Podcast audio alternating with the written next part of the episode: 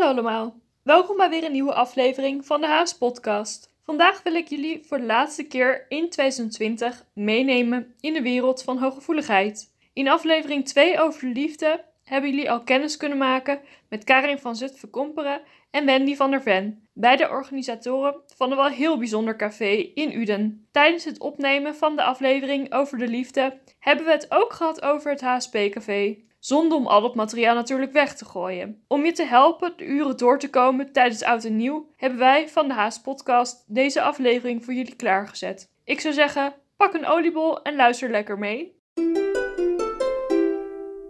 Nou, ik ben uh, Karin van Zutphen. Ik ben HSP-coach. En uh, samen met Wendy heb ik uh, HSP-café in Uden, in het gebouw van Flow. En Flow is een multidisciplinair gebouw. Mensen die met bewustzijn en gezondheid en wellness bezig zijn. Ik ben Wendy, ik ben spiritueel coach en ik behandel in de praktijk ook heel veel mensen met HSP. Ja, dat doe ik heel veel plezier.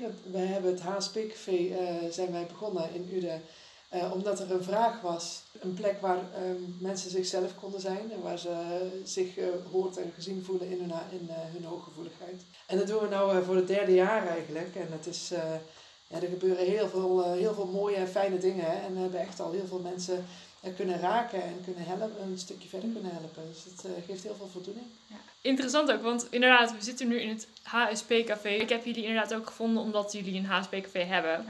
Um, en sowieso het woord café klinkt voor mij echt als een plek waar ik nu eigenlijk graag zou willen zijn. uh, maar wat natuurlijk niet kan door corona. Ja. Een HSP-café, hoe gaat dat dan in zijn werk? Het is in principe gewoon een bijeenkomst met mensen die samen in een, in een ja, losse kring, noem ik dat, een stoel in een kring zitten en uh, die praten over een onderwerp wat met HSP te maken heeft. He, dus dat is heel basic gezegd. Wat wij doen is voor iedere maand, he, we hebben HSP-café in principe iedere maand, verzinnen we een thema. En dat thema, dat gaan we promoten. Hè? En dan uh, komen daar uh, mensen op af, maximaal acht. Dan beginnen wij daarover te praten. Van, goh, wat is dat nou? Een, hè, bepaald thema uh, in combinatie met hooggevoeligheid. Wat kom je dan tegen? waar moet je aan denken? En dan is de vraag, hoe is dat met jullie? Wat komt er in jouw leven voor? En dan begint zo'n zo'n groepsgesprek in principe. En voor lieverlee gaat het niet meer over het thema. Uh, een ander onderwerp of een bepaalde gevoeligheid die naar mhm. boven komt, waar emoties over uh, ontstaan en waar mensen weer op aanhaken. Dus het is altijd een heel organisch proces in zo'n groep mm van twee uur lang. Yes. En dat, dat gaat vanzelf. En dat vinden wij het mooie, want juist wat ergens onder zit. Waarom komen mensen naar zo'n groep? Waardoor word je getriggerd? Ja, meestal door ja, een bepaald gevoel. Je, je leest iets, je, mm. je, hoort iets en je denkt, oh, daar moet ik eigenlijk naartoe. Dat vind ik eigenlijk wel iets voor mij. En vervolgens gebeuren er dingen die, die passen bij je. En dat is wat wij ervaren. En dat is echt heel leuk. Het gaat inderdaad ook ergens over. Ja, het gaat uh, ergens ja. Dus je merkt dat wij heel veel gevoelige mensen die willen gewoon een gesprek waar dat ergens over gaat. En uh, bereiden van alles voor. Het gesprek leidt vanzelf, zeg maar, ja. naar, uh, mm. en dan wat er die avond moet gebeuren. En wij begeleiden het gesprek, maar degene die deelnemen aan zo'n bijeenkomst, ja, die, die maken de avond. Zo'n themaavond, wat, wat gebeurt er dan? Zeg maar, je hebt dan dus, jullie thema, hebben jullie dan ook bepaalde spreker daarover? Of gaan jullie daar zelf over in gesprek? Of hebben jullie zelf boeken gelezen dan op dat moment? Of, ik ben gewoon benieuwd hoe dat, uh, hoe dat gaat. Hoe dat gaat. Het begint eigenlijk heel intuïtief. Van wat is belangrijk daarover? En uh, van tevoren dan uh, bereiden we wel het een en het ander voor daarover. We hebben sowieso, is er één boek belangrijk voor, voor mij in ieder geval. En dat is Hoogsensitieve Personen van Elaine Aron. Eigenlijk meer ja, het, het, mm -hmm. het startboek over HSP, om het zo maar te zeggen. Ja. Zij is de bedenker van De bedenker van de HSP, nou, dat is leuk gezegd. Ja, ja maar ik doe meer van de term, toch? Van de term, ja, dat klopt. Dat was, ik heb het gezien over haar. Die, die daar echt over publiceerde hm? en die daar de wereld mee over is gegaan, inderdaad, om bewustwording te creëren. 20% van de mensen die HSP als eigenschap hebben. En dieren toch ook? En dieren ook. Dieren schijnen ook heel hoog sensitief te zijn soms. Ja, zeker. ik, denk ik denk overigens dat het uh, cijfer veel hoger ligt dan 20%. Ja, dat denk ik ook. Maar dat is een beetje wat er soort van gemeten worden. Ja, want wat is voor jullie hoogsensitiviteit? we kunnen wel zeggen 20%, maar ja, wat heeft die 20% dan meer dan de rest, zeg maar, of mm. anders dan de rest?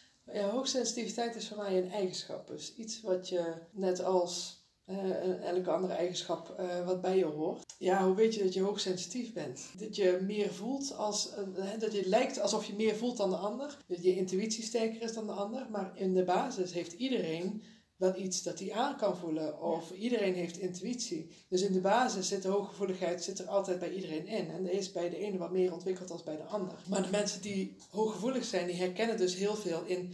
Uh, Oké, wacht even, ik moet echt op mijn gevoel gaan zitten en goed gaan voelen. Hè? Dus het woordje voelen wordt heel belangrijk. Uh, dat dat een beetje de hooggevoeligheid is. Hè? Wat je bij hooggevoeligheid heel erg ziet, is dat mensen op een hele diepgaande manier verwerken wat ze ervaren Mm. en wat ze waarnemen. Het leven komt dieper binnen. Hè, ze zeggen, mensen zeggen wel eens harder binnen of wat dan ook. Nee, dieper. Mm. Het gaat de diepte in. Je doet er dus ook wat langer over als, eh, als je HSP als kenmerk hebt. Om wat je meemaakt te verwerken. En dat kan over pittige dingen gaan, maar dat kan ook echt over hele leuke dingen. Ook wat belangrijk is daarin, is dat er altijd triggers zijn bij mensen die dan, hè, die, die diepte, waarbij ze die diepte voelen, die voor een ander die misschien minder hooggevoelig is of niet hooggevoelig, helemaal niet de trigger is of belangrijk of wat dan ook. Het Wat- kan een gevoel zijn, een woord dat iemand Oh ja. zegt of een, eh, een kleur die iemand ziet, een Mhm. geur die iemand ruikt. Oh ja, dus als ik Eh och, wat dan, het kan van alles zijn.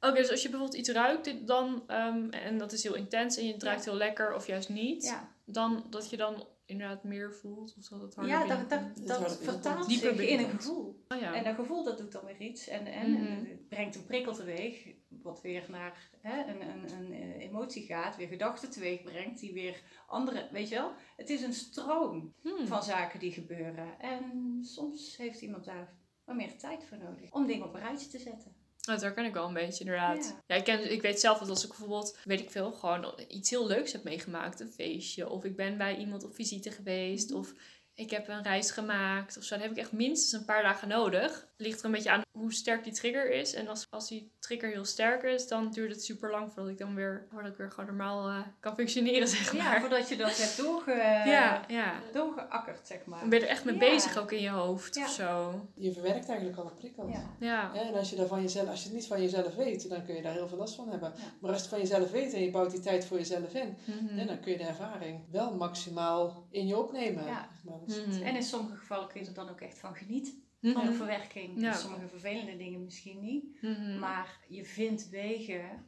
als je jezelf de tijd gunt en een beetje het geduld kunt opbrengen voor jezelf. Je vindt wegen om het te verwerken. Of dat Mhm. nou met denken is, of praten, of schrijven, of dansen, of zingen, of muziek luisteren, of wat dan ook. Alles kan. Dank jullie wel. Nou, jij ook bedankt. Zo, dat was hem weer. Wat korter dan normaal. Ik hoop dat je hier wat aan hebt gehad. Vond je dit nou een leuke aflevering? Vergeet ons dan niet te volgen op Instagram. Tag ons in je stories als je luistert en vertel ons ook wat je graag zou willen weten over HSP. In januari hoor je weer van ons, dus stay tuned. Maar voor nu willen wij je veel gezondheid, licht en tevredenheid toewensen. Dag dag!